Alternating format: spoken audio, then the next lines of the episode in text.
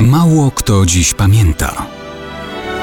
Datownik historyczny prezentuje Maciej Korkuć.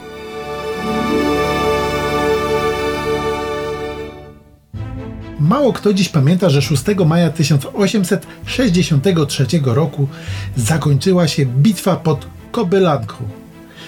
Jedna z największych bitew powstania styczniowego.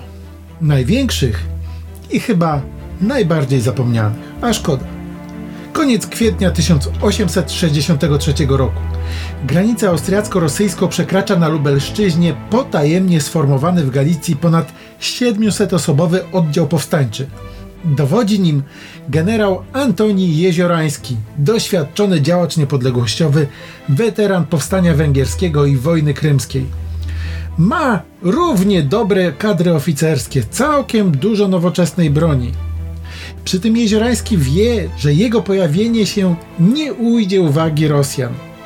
Obóz zakłada w miejscu obronnym, otoczonym mokradłami. Ma rację. Rosjanie niezwłocznie wysyłają przeciw nim wojska piesze, konne, wyposażone w kilka armat.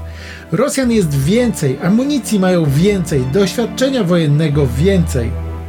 Ale 1 maja po kilku godzinach zażartej walki powstańcy ich odpierają, zdobywając broń i nawet jedno działo.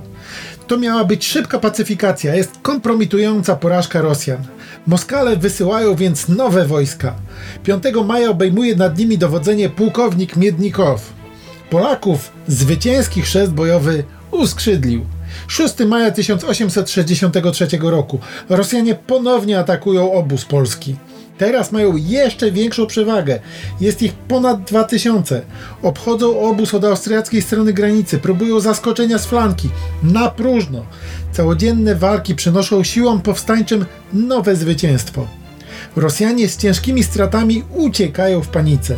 Wielu dodatkowo topi się w bagnach. Prasa galicyjska rozpisuje się o podwójnym zwycięstwie Polaków.